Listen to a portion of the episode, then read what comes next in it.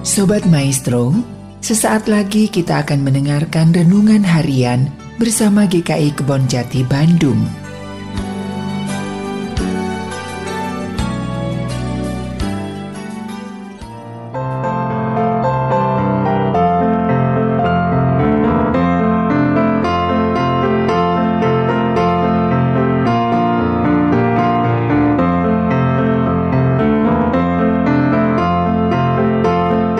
Saudara sekalian, jumpa kembali dalam renungan harian GK Kebonjati hari ini.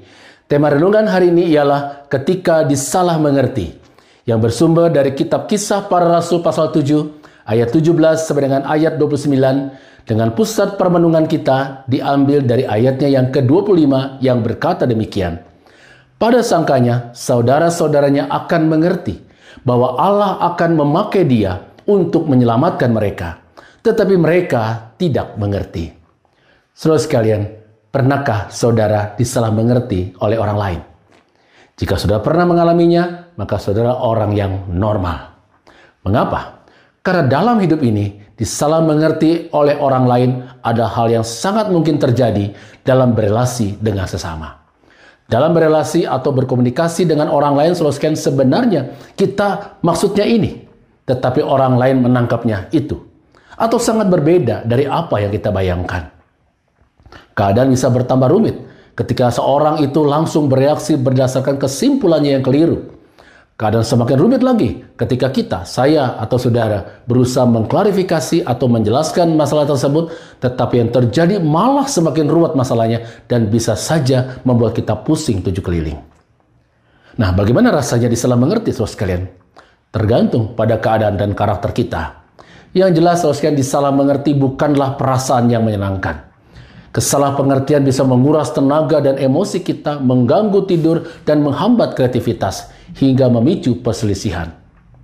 Saudara sekalian, di dalam teks kisah Rasul pasal 7 ayat 25, kita dapat melihat bagaimana Musa disalah mengerti oleh sesama bangsanya.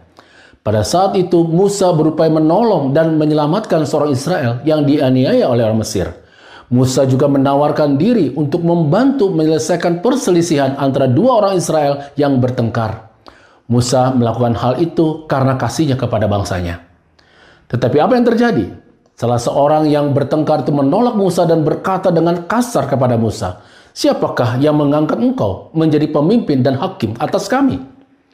Orang ini tidak dapat melihat usaha Musa yang sedang berjuang untuk pembebasan Israel dari Mesir, serta upayanya untuk mendamaikan sesama orang Israel agar tetap bersatu. Terus kalian, kasih Allah yang mendidik dan menyelamatkan yang berupa nasihat atau teguran yang hendak kita sampaikan kepada orang lain tidak serta-merta dapat diterima oleh orang lain sebagai kasih Allah. Niat baik kita dapat disalah mengerti oleh orang lain. Mengapa orang lain bisa salah mengerti terhadap kita? Ada beberapa kemungkinan yang menjadi faktor penyebabnya, saudara sekalian. Yang pertama, karena adanya penolakan dari mereka yang kita nasihati atau kita tegur, walaupun itu untuk kebaikannya. Penolakan bisa terjadi karena kedegilan atau kebebalan hati mereka sehingga menolak kasih Allah yang hendak kita nyatakan melalui nasihat atau teguran kita. Yang kedua, saudara sekalian, kesalahpahaman ini bisa juga bersumber dari diri kita sendiri yang kurang pas dalam menyampaikan pesan, nasihat atau teguran tersebut kita mungkin kurang sepenuhnya memperhatikan suasana hati mereka dan cara menyampaikan pesan kita kepada mereka. Kesalahpahaman bisa juga terjadi jika kita menyampaikannya secara angkuh atau penuh kesombongan, sehingga menutup hati dan pikiran orang lain terhadap kasih Allah yang hendak kita sampaikan kepadanya. Nah, saudara sekalian, bagaimana kita bersikap kepada mereka yang salah mengerti terhadap maksud baik hati kita? Yang pertama, saudara sekalian, tetaplah berbuat baik. Bunda Teresa pernah mengatakan demikian. Apabila Anda berbuat baik kepada orang lain dan mereka salah mengerti terhadap kebaikan Anda, bagaimanapun tetaplah berbuat yang baik. Memang sulit saudara untuk mengerti ketika manusia menolak kasih Allah demi kebaikannya. Meskipun demikian, tetaplah berbuat yang baik. Oleh sebab itu saudara sekalian jangan pernah berhenti untuk tetap berbuat yang baik kepada orang lain. Yang kedua, periksa hubungan kita. Jika hubungan kita baik dengan orang yang akan kita nasihati, tentu akan lebih mudah mencernihkannya. Kita tidak punya kendala untuk menemuinya dan tidak akan ada beban apa pun untuk mengungkapkan keadaan yang sebenarnya. Dengan santai, kita dapat mengungkapkan keadaan yang sebenarnya dan saling pengertian akan sangat mudah tercipta dalam keadaan seperti ini. Berbeda dengan keadaan di mana hubungan kita dengan orang itu kurang baik, saudara sekalian. Dalam keadaan seperti ini, biasanya penjelasan lebih lanjut tidak akan menolong banyak, malah bisa memperkeruh suasana yang penting dalam situasi seperti ini bukanlah klarifikasi isi pesan, tetapi bagaimana kita mengusahakan rekonsiliasi.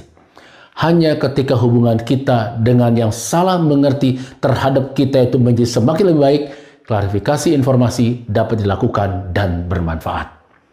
Saudara sekalian, kita semua, saya dan saudara, dipanggil untuk menyatakan kasih dan kebaikan Allah kepada sesama kesalahpahaman dan kesalahpengertian bisa terjadi dalam upaya memperlihatkan kasih kepada orang lain. Oleh sebab itu, saudara sekalian, kita perlu senantiasa memohon pimpinan Tuhan agar terhindar dalam kesalahan memberi pesan dalam menyampaikan nasihat, bimbingan, atau teguran kepada orang lain. Kita juga senantiasa memohon pimpinan Tuhan bagaimana bersikap bijaksana dalam menyelesaikan masalah kesalah pengertian. Tuhan memberkati kita semua. Amin.